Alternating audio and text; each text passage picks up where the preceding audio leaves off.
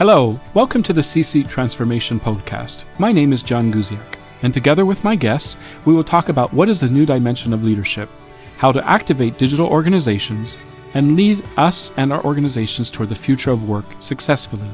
How can we truly future proof our organizations today? Let's start our joint adventure. Let's reimagine the future together. Welcome back, C Suite at Transformation uh, listeners. It's an absolute pleasure to have with us today Anna Wróbel, who is the HR director for Allegro. Anna, welcome. Welcome, everyone. Great to be here. Super. Well, listeners, today our goal is to understand more about the future of work, the future of leadership, and how we can actually future proof our organizations. So I'm really looking forward to being able to, to speak with you today, Anna. So maybe, Anna, one thing that's so important for our guests is to just help us to understand a little bit about your background, um, uh, what made you actually decide to move into the area of, of human resources, um, and maybe a little bit about your childhood that would help us to get to know you a bit better. Wow, tough questions to start with. So, uh, my background is uh, in economics and consulting. And uh, as a child, uh, I loved anything new. So, I loved learning and I was curious. And I think this curiosity is, you know, one thing that, uh, that continues. So, it was very tough for me to choose who I want to be. Mm-hmm. I went to study economics and then I became consultant because as consultant, you can do many interesting things. But then I discovered that, you know, with all the Excels, spreadsheets, slides, there is this aspect that is missing very often in the work we do in organizations, which is the human aspect. And, uh, you know, how do we help people build great organizations? And then, you know, how do we help people transform organizations? So this idea and pursuing it made me ultimately choose also as one of the paths that I'm following, being HR director or working with HR function. And ultimately, when it comes to uh, the importance of, of people in, in, in, in fact, even the area of human capital, what do you think are the reasons why companies kind of forget that? Well, it's actually very interesting, yeah, because companies, who are companies? We are made of people, you know? true. That's so true. So why do we forget? Uh, no, I think you know part of it is just the legacy, the history, the way organizations were. You know, to produce, to you know, work in factories, etc., etc. There was not much space for you know being human in all the world. And then, you know, I remember even in my childhood, the world of my dad was working till five o'clock or sometimes earlier, coming back home, you know, changing your suit mm-hmm. and becoming slightly different person and i think right now mm. our life is very much integrated but we are not consciously making this reflection and bringing you know more of ourselves to work mm-hmm. i mean it's changing mm-hmm. in many places but i think we it's just not the habit we've been like you know given it's interesting because we've seen such a tremendous change in even the way that we dress you know, so we used to have to wear a suit and a tie, and uh, and and now people are almost wearing pajamas uh, to well, go into we'll, work. we will not say what we are wearing today. hey, well, I'm definitely not wearing a tie, that's for sure, which is fine. Um, and one of the things that in our in our short conversation we had before, you had really mentioned the importance of, of values. Mm-hmm. Um, and right now, you're working at Allegro, which is a growing organization. Uh, you know, significantly in growth, not just in Poland but but in other countries. Why do you think values are important for a company in growth? So I would not really call values something, you know, that is a tool or something artificial. The way I look at values, this is basically a representation of how we work, how we make tough decisions, how we interact with each other. And for me, when I joined Allegro, the concept we have is Allegro Essentials. Mm-hmm. And uh, those are like se- six sets of statements, let's say and uh, and I realized, wow, you know, this is on one hand, we don't see like very heavy embedding of those values, like posters on the wall, branches around one of those topics, the month of a value. Mm-hmm. But on the other hand, on my daily in my daily life, I've seen those values actually living in the organization. So somehow they are actually great representation of how Allegro is. Just to give you a couple of examples, mm-hmm. uh, obviously, like in an e-commerce company, in a commerce company, we have customer centricity as one of them. Yeah, but uh, it's not just this kind of word buzzword mm-hmm. uh, but it's really something that is present in our discussions in you know tough decisions we are making for mm-hmm. instance discussing one of the campaigns the team was slightly worried that you know they will go over budget And uh, actually, in a very symbolic way, the CEO said, Can you please remove the word budget from this file? We are customer centric. We do mm. great things for our customers. And then, you know, obviously, we have to be conscious. Let's focus on the important thing. Mm-hmm. And that's almost, and that's an important reason why, uh, in essence, Allegro has been so successful is that it is customer centric. So it's almost like the values actually came from the actual beliefs of the people that, in essence, started the organization, and they were able to keep keep cascading it to the rest of the organization. Now, one of the things that was also struck me was that um, you know often you will hear the word like, "Oh, we need to be a team," mm-hmm. um, but your definition in Allegro, as far as your essentials is concerned, is slightly different. Can you explain a little bit more about that? So, um, if I remember well, there was even like vocabulary discussion. Should we say it's teamwork or should we call it some something else? Uh, so our essential is contributing to each other's success, mm-hmm. and I think this is a nice twist because you know mm. I've seen a lot of organizations where teamwork obviously is one of the key values, or at least you know the way we want to do things. But very often, then you have, for instance, engagement survey, and with the results, you see, yes, our team is fantastic, but all the other teams, you know, we don't like them, or the interface mm-hmm. doesn't work. So I think the contribution to each other's success is a nice twist of saying, yeah, I mean, I'm on a team, I'm actually on multiple teams, but in everything I do, uh, in in the way I interact with others, I'm really I have this positive intention of helping each other, be it business wise, but also mm-hmm. to help as a leader or help somebody grow, etc. Mm-hmm. How are you in in regards to the fact is that we're shifting into this new future of work and uh, the fact is, is that you know the office is more of a place of spontaneity, and now that we're moving more and more people to a, either hybrid or remote way of work, how are you ensuring that these values consistently are are really implemented inside the organization? Is that from a recruitment perspective? Is that from what what, what is it that you're doing? Because many companies today are really struggling with this. Well, you know, it was really easy for us to to live our values when we saw each other. It's a great question, and I, I, I probably cannot answer it because you know okay. we are in this process of discovering how okay. to do it. I mean, we are coming back uh, to the offices. We've mm-hmm. actually spent two years working mostly from homes. Mm-hmm. Um, so we are coming back, and the big umbrella topic there is connectivity because I mean we will not come back to the same Allegro offices. I mean literally we are we will not because we are moving into the new ones. Mm-hmm. But also our teams have changed, right? So we've recruited plenty of people. We are merging with an organization in the region. For most of our teams, uh, the work will be remote, yeah, because part okay. of your team will be somewhere else, even if everyone is at the office. So I think that the, the the question about values and embedding them is very much around people leaders and mm-hmm. about how teams work together.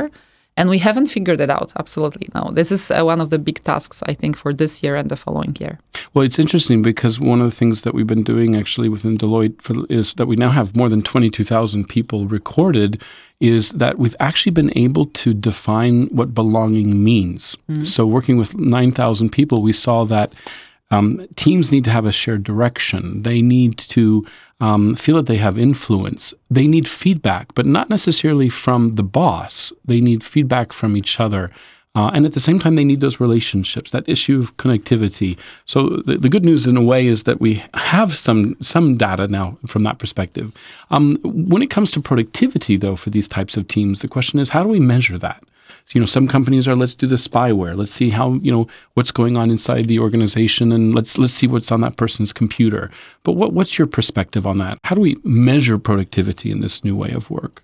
Mm, so I I wish I could say again, like you know, we have a perfect system, we know everything, but I really think like thinking really about Allegro, I think we have this nice balance of actually not measuring, mm-hmm. of saying, okay, you know, we know very clearly what are our KPIs or the inputs and outputs we are measuring. And this is like, you know, those are the big things.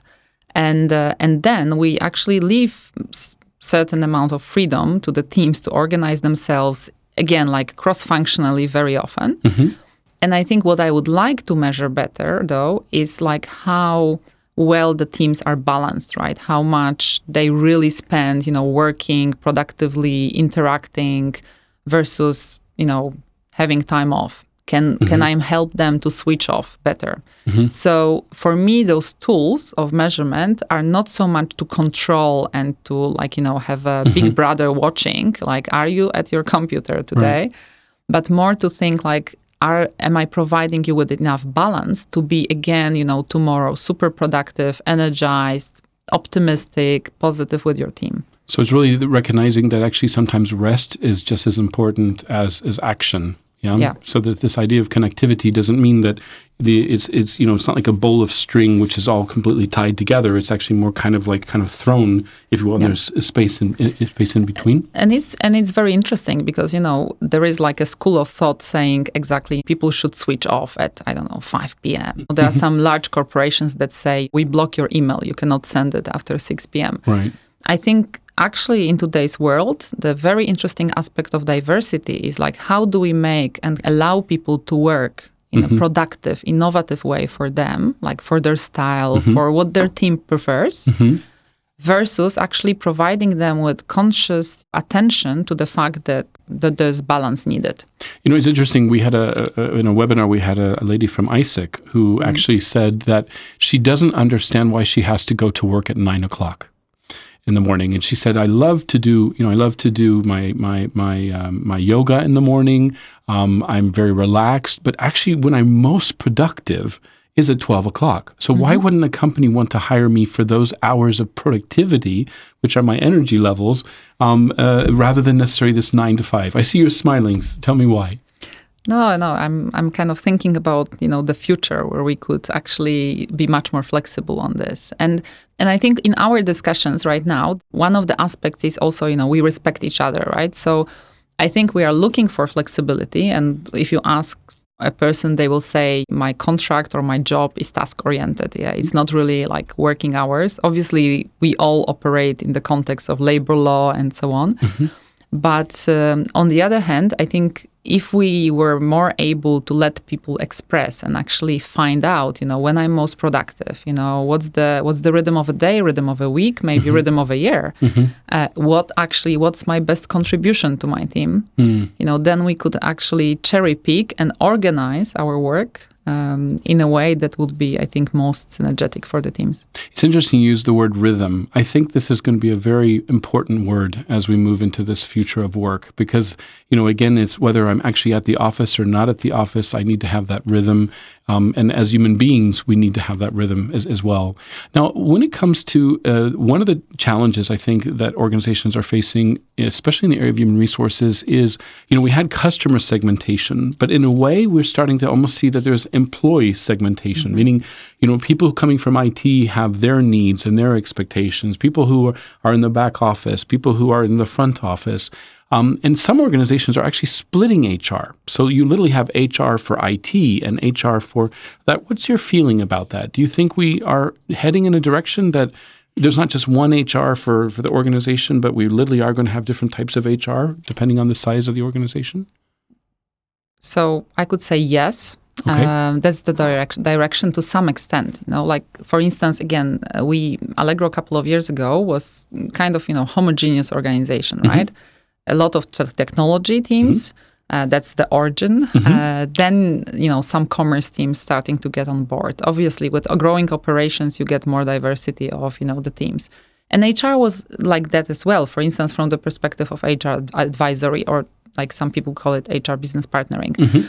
And uh, what we find out right now, we went through this process of you know making great policies that work for each other being very actually fair to each other you know democratic mm-hmm to right now the stage where we say maybe not everything works the same way for everyone.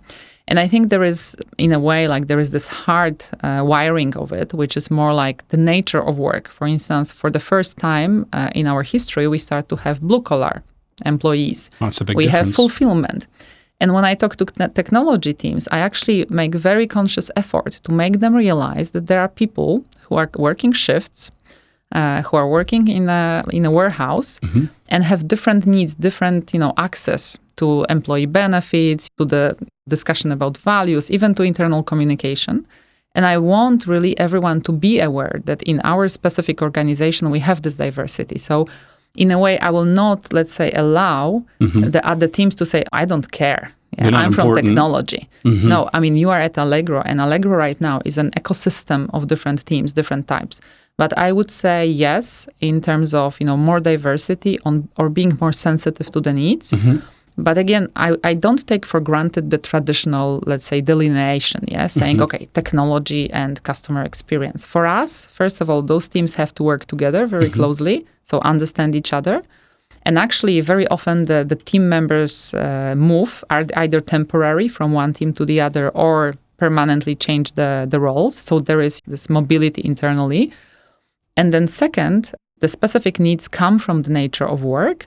But I honestly believe that our specific needs are much more based on who we are, like how we live, not so much on the label that we have, you know, in the HR system. hmm And and it's interesting. It's going back to that definition of you know, uh, it's not about teams, but it's about contributing to each other's success. It's recognizing the fact that that basically the blue collar is just as important as the white collar, and that if you don't have one, you don't have the other. Yeah, that goes back to that whole element of you know the customer is is really really really first that you mentioned. Even the CEO recognized that right from the beginning. Yeah. Now speaking of the CEO, um, we're talking about boards. Yeah. So this is the C suite at transformation. It's not CHRO at transformation, but it's the C suite. Um, there's a big debate right now going on, which is why in the world HR should be actually part of the board. Uh, I'm curious from your perspective because you've worked in the past for many different organizations, probably at different levels. What would be the reasoning why you think someone, um, why HR should be at the board level, or if it isn't, what could be the consequences? Okay, so now going like with a traditional answer, yeah, you could say, "Oh, HR should be part of this conversation or be at the table because you know it's about this most precious capital, you know, human mm-hmm. capital, people, the rare resource of today, the skills, you know, and having the right skills at the right time at the right price, etc., etc." I actually think when I work w- with smaller organizations, um, I sometimes say you don't have to have an HR director as member of your top team, but you need to have, as one of the top leaders, somebody who's sensitive to people and culture, hmm. and somebody who knows how to shape people and culture, how to shape people's behaviors, how to support them to be most, you know, efficient and happy at work. Mm-hmm. And it happens very often to be done with HR processes, mm-hmm. but it's I wouldn't say for granted every HR director should be part of the of the C-suite. I think mm-hmm. it's much more about the mindset.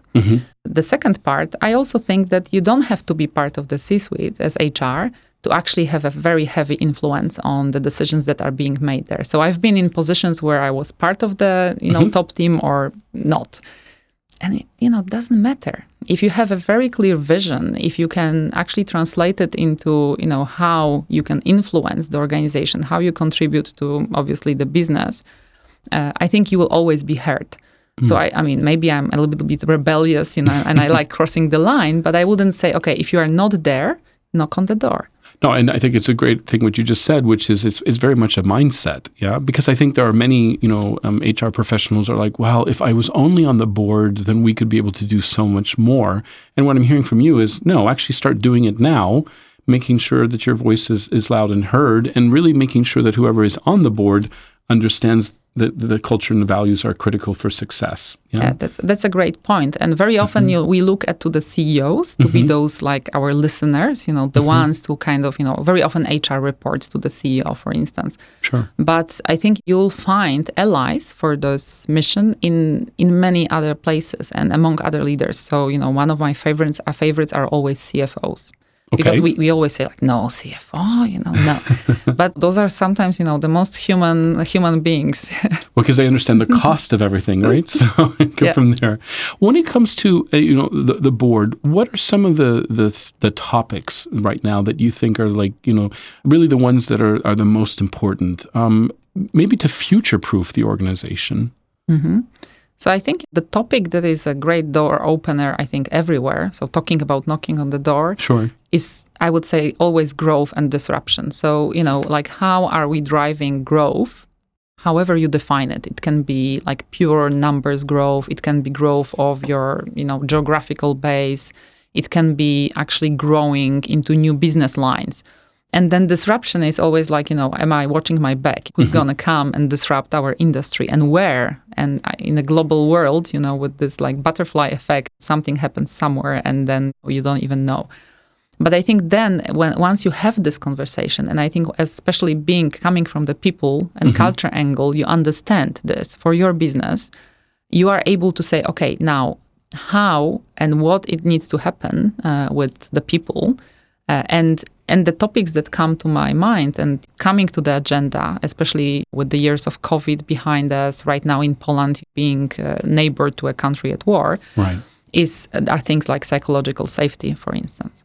And this is, you know, a concept that's been kind of growing on us mm-hmm. for years. Mm-hmm. So the practitioners will say it's not new, but somehow right now it's gaining attention. And I think I, I see even in the C-suite that we mentioned that it's not that if I mention psychological safety, you know, people will be so receptive as to mentioning growth and disruption. Mm-hmm. But I think we can make the connection, right? Because if your organization, you know, is not nimble, if your organization is not at its best, yeah, like a good muscle, mm-hmm. uh, then you know you will not be able to realize growth or react to the disruption. Your teams will not be innovative. There will be either disengagement or maybe people will just, you know, not come, you know, to perform at their best and for that you need psychological safety. And when it comes to uh, you know the element of psychological safety there has to be this sense of being able to give feedback to each other mm-hmm. to be very transparent. Um, a lot of people would not define that as when they observe a board or a board meeting. Um, what do you think are the critical factors for you know again we're talking about you know boards in the midst of transformation. What do you think are the key things that they should be putting their time and attention on when it comes to helping themselves to actually be more effective one step is to kind of get out of your C shoes, yeah, so okay. CXO shoes, mm-hmm. stand next to it and say, okay, you know, my mission, yes, okay, I'm responsible for this part of the business, for this market, for those teams. But also, you know, what am I contributing as a human being to this team to start with? Mm. But obviously, as a leader in the organization, you know, circling back to the values, very often you will say, oh, we need values ambassadors and nobody is perfect in all of them at mm-hmm. the same time mm-hmm. so and very interesting you know exercise is to sit with your uh, top team and say okay of which value will you be an ambassador and how and very often people don't really connect that to their title mm-hmm. they connect it to like to who they are to the childhood that you you know mm-hmm. mentioned at the beginning curiosity our, exactly yeah. so and so and what you're saying in essence is, is as you said we can't be everything to everyone yeah, but I think we have a tendency to think about that. Oh my goodness, we have five values. How did I make sure that all five values basically were lived mm-hmm. today? It's almost impossible. Yeah. yeah. Well, if we think about um, uh, the future, yeah, and I'm ex- extremely excited because you're the first guest who's been open to go all the way into 2050. Okay. Yeah. Um, uh, and uh, we're we're talking about now the future, and you'll be more than 18 years old. Yeah. Um, what do you see are going to be the critical changes? Uh, you know, it is 2050. What's going to be uh, similar or different um, in your opinion, as far as work is concerned and the future workplace, for example? Oh yeah, starting with the workplace. I, I, was kind of reflecting on this and thinking like place, you know, what will be the place? Mm. So I thought, okay, on one hand, probably there will be this like super advantageous metaverse like 8.0. Mm-hmm. Uh, and maybe for our kids or grandkids, this will be the workplace. You know, they'll meet there and where where they will be physically like i cannot even imagine right so i think there will be this certainly this this will progress at the same time, when I think, okay, but where would I go in 2050 as a human being physically, not like mm-hmm. some sort of, you know, software? Sure. And I thought, okay, I'll still go to connect with human beings in 3D mm-hmm. and uh, get a sense of people, but maybe my workplace will no longer be a place where I go to work for an organization, but mm-hmm. more to meet with like minded people, you know, with like network, but network in a new sense, yeah, like in, get inspiration about things that I care for.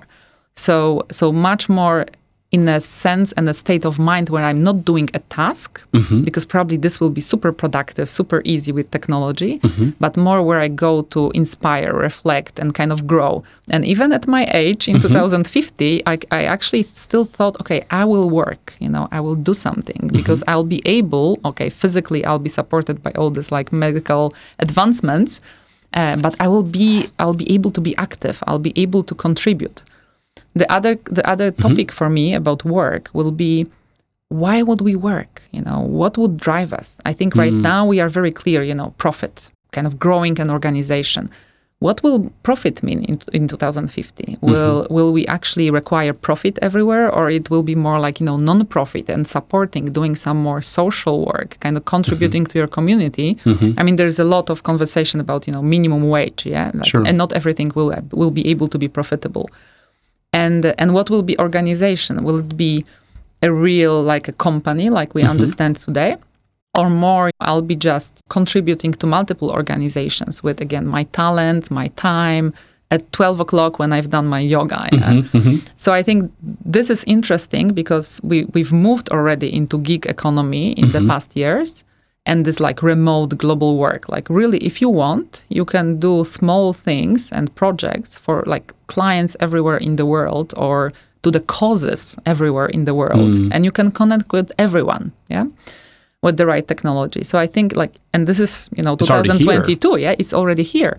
So in one generation, I think this will be mm. much more supported by like today we can choose our like fitness you mm-hmm. know scheme or diet or shopping list i think like those shopping lists will have our talent lists our gig lists our cool people to connect with lists and mm-hmm. we'll be doing work around this around some you know rather community based work rather than organization and business based work. So it almost sounds like we're really going to continue to move into tribes. You know, people yeah. who have like minded beliefs, like minded actions.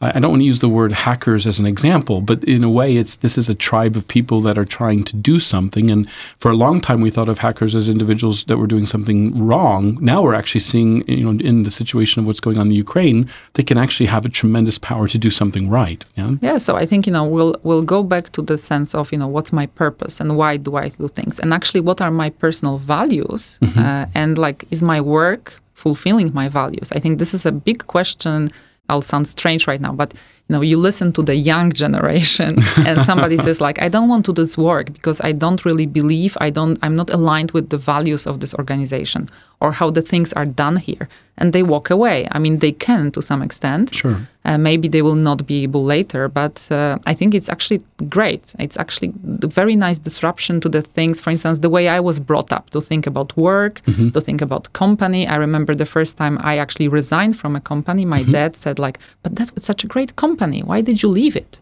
Right. Um, but I think you know the danger of the tribes will be how do we actually connect between the bubbles? Yeah, how do we mm-hmm. keep it uh, transparent? How do we get out of uh, our comfort zones in mm-hmm. the future? Well, if we think about like the work, the workplace, and as you mentioned, the, the, the fact is, is people could be in Honolulu and they could be basically in San Francisco and in Warsaw. Um, how do you think you know, what do you think is the role of organizations moving into the future? So we know it is the needs of the people to feel connected, to um, that they want to, to to identify with specific values. But we're trying to future-proof Allegro so that in 2050 you're you, you know you're you're the, the Amazon of the East, if you will, yeah, or or in essence is you you are in essence are even more than than Amazon. So what is it that you think is is required for organizations today to help move that in the right direction? Yeah, I, I like the name organization, organize. Um, mm. I, I, very often when you hear feedback in these days, like you know, you, we try to organize things, like let's say HR process, it helps mm-hmm. to organize, and you get a feedback from your internal customers mm-hmm. saying, "Uh, no, sorry, this actually disorganizes my work." Mm. So my puzzle is like, how do we, with you know, different processes, technology, how do we help people to organize in those tribes or you know, mm-hmm. uh, communities of the future? So I think, you know, and maybe actually organizing will be separate from, you know, the business concept. So mm-hmm. somebody will be coming for to professionals like, you know, like today, HR, finance professionals, legal professionals, and saying, help me organize to deliver this value, mm-hmm. maybe not even profit, maybe value, and with the help of global talent. And maybe those, those could be the organizations of the future. And it's interesting because um, recently, we've been working with an organization where we've actually told them they should be focusing on their processes. And they were surprised because they, in essence, said, "Is no, I thought we should be focusing on our people." And I said, "Yes, but if your people are not connected and the relationships are not there, then in essence, the process is the only thing that keeps people together." Would you agree with that or disagree with that? So I, it's like a hen and the egg, right? Sure, sure. but uh, so I would start with the people side still, because Okay. for me, the first question is like, do people feel the need for the process, and do they Mm. believe the process helps in any way? Okay. And I think very often we, just because we don't have time, we don't have attention, we take things for granted, we don't pay enough attention to kind of selling the process, to explaining the process. And then we are so happy with having done the process that we are very rigid to change it and adapt. Uh, so it. I think you know if we can keep this flexibility of a process, then I would say yes. You know the Okay. process should be helpful, keep people focused, kind of give them you know the nice organized way to move from point A to point Z. I think if we are able actually, and if we are smart and friendly with the machines, Okay. maybe they can do some of those things that we don't like doing, or that you know that don't allow us to have yoga at 9 a.m. Uh, because we have to go and push a button here or there. So honestly, I think this could be a way to specialize, to say maybe I don't no longer use my physical labor, for instance, to do like you know work instead of a machine. Or I worked in mining company that was like mm-hmm. our dream to make the work safe for humans. Right. So you have machines underground. But then, you know, my, my physical will be exercise, you know, doing gardening, going for a walk Sure. rather than using my energy for something that can be replaced by a machine. And mm-hmm. the same, I think, for intellectual power. Mm-hmm. I think we don't even understand are we smarter or are the machines smarter? And probably it's like in our teams, you know, nobody is perfect. But Sure. if we understand, you know, that my colleague is much better, I don't know, in Excel modeling and I'm much better in presentations, well, we make a great team. And I think if we start looking at the whole technology this way, this will be beneficial for everyone. It's even interesting how you actually have named your bots. Yeah, you name them people. So it's almost kind of like, okay, today we have with us at the office, you know, um, um, Alex, Frank, and Sam, but we have Alicia as well. Yeah, who's actually joining this conversation, and she's actually a bot. Yeah, Yeah. Um, it's 2050, and people are knocking on your door, and the door used to say Human Resources Director. What do you think might be the new title? Wow, you know, that's a tough one. I don't know. I don't know if I really worry about titles. Okay. Um, so we can come. I, I think recently somebody came up with all those like different fun titles. Sure. Uh, maybe it just says Anya Wróbel. Okay. Interesting. and uh, and because either people know me or you know they can click a button or there'll be like this transparent window on the door saying she's like like in the sci-fi type of games you know she has 51 in this one and she has zero weapons but great you know sense of humor Right. that will be all that we need So almost like this strength finder, right? So you know exactly you know the personality of your boss before you ever ent- enter the enter the room, yeah, which would be wouldn't Yeah. be helpful actually, yeah. No, it's interesting because I think when we're looking at the the, the future, um, one of the things that was identified in the global human resources trends was this thing called super teams. The idea is that we put into an app our personality style, the type of boss we would like to have, the type of skills that we have, the type of skills we'd like to learn. And then actually the actual the computer itself is actually generating teams of people to focus on specific projects. What do you think about that? Do you think that's the future? Or do you think that's a bit we should still be no no no. Actually the team leader should be focusing on on who they actually bring on board. so honestly this type of approach and technology is something that would be tremendously helpful Okay. Uh, I mean, it adds objectivity. It saves, saves time. Uh, then I think you know the question is like, what does the leader do, right? Because I don't think that the perfect combination uh, guarantees the success of the team, right? right. Then actually it only starts then, yeah, because you get the team dynamics or somebody who's been great contributor, you know, in the past project suddenly I don't know, you know, that doesn't feel okay or has a bad you know moment in life, something happens. And I think, A, I mean, you can still track it with technology in 2050, probably. Mm-hmm. But I think right now, really the leader is somebody who's like, you know, the guardian of the team and can see how the dynamic changes and with right tools and support, again, from technology, coaching, different supports. Like, doesn't have, not everything has to become from technology. This leader can make the team progress. Mm. Uh, and you know that's that's the dilemma I often had when you know I was doing recruiting, for instance. That very often you know somebody comes to you and says, "This is a great candidate. She's she's done or he's done that before, you know, in a similar organization."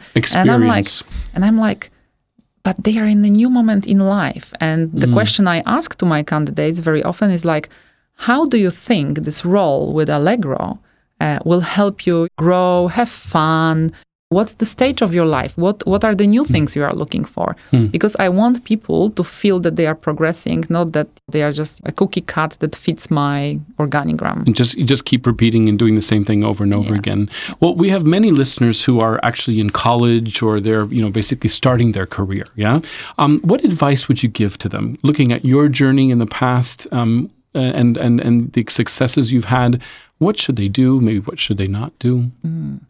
So, one thing is um, never compromise and don't stay in places where you don't feel right. Uh, you know, be courageous to change. I mean, right now we are living in the times of change overall. People are much more open to change, you know, flexible. Um, for me, I think, you know, I always thought like, okay, but, you know, I'm on this fantastic path, you know, maybe this small voice in my head is wrong. But I, I would say, okay, listen to the small voices, listen to your gut feeling. And if it, the place doesn't feel well, don't compromise your life. I mean, if you spend there another month, year, it's better to go and have another adventure. That's one thing I would say. And the other thing is actually to um, to go and do things, um, you know, independently. So for me, I mean, maybe this is also cliche by now, you know, but ten years ago when I was becoming the gigger, everyone was saying like, yeah, but uh, okay, so you do those projects, but that's only till you find another job, right? Okay, It's like in between. in between. And i mean it still continues i would say in my generation.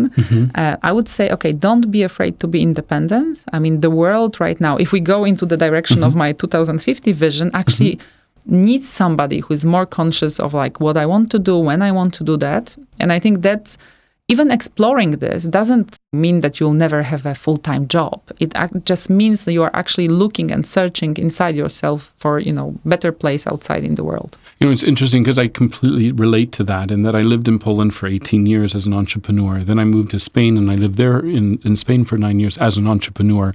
And the idea of, oh my goodness, could I work for a larger organization? Um, at first, I was like, I don't think that's even possible. In fact, many people actually said, John, you're unhireable.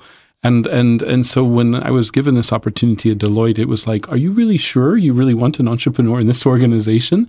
But what I've recognized is it's your attitude. It's the skills that you have, and it's it's how can you take advantage of that. Even this podcast is a great example of just being able to um, take a, from thanks to a larger organization to be able to share and spread, you know, the vision and the mission of of really making human capital as it is. Well, the last thing today is is this gift, yes. Uh, and listeners, I know you're waiting for it each and every time we have this podcast, which is what exactly do you think is the question uh, that people should be thinking about right now? Mm, right now. So I would say, what brings me joy? Wow. And I think it's really something. I mean, you can ask yourself in the morning, you know, what what am I looking forward to? But it's also this nice, you know, we, now it's fashionable to practice gratitude, right? But hmm. it's not like what what I'm grateful for. It's really like what brought me joy today, you know. Mm-hmm. And and one nice twist for leaders would be I don't know if you know Ben Zander, right, from Art of Possibility. This his question of like, how are you making the eyes of the people around you spark? Wow. Wow. And that's exactly what you're doing on a day to day basis, both with your own family as well as those at Allegro. Anna, it's been a pleasure to have you um, on this podcast today. You've brought joy to my life, and I'm sure you've brought joy to these listeners. Thanks a lot for having me, and uh, happy to connect not just in 2050, but uh, in a in a real and soon future. And thank you for doing what you're doing because you know you, you said you shared this story of you know not being sure how your future will look, how about joining this huge organization. And I actually think this is serendipity, right? It's like you're doing this amazing thing. I remember from the start of C-suite newsletter and podcast, I was like, wow finally, you know, somebody is taking the voice of people and culture and taking it to the C-suite. So thanks for that. It's a pleasure. Absolutely. Thank you so much, then, Anna. Have a great day, guys. Thanks, everyone. Thank you for listening to our conversation today. If you like the podcast, I encourage you to subscribe. See you in the next episode, and stay tuned and enjoy creating the future. You can find this and other episodes on the most popular podcast platforms and on the Deloitte.com podcast page.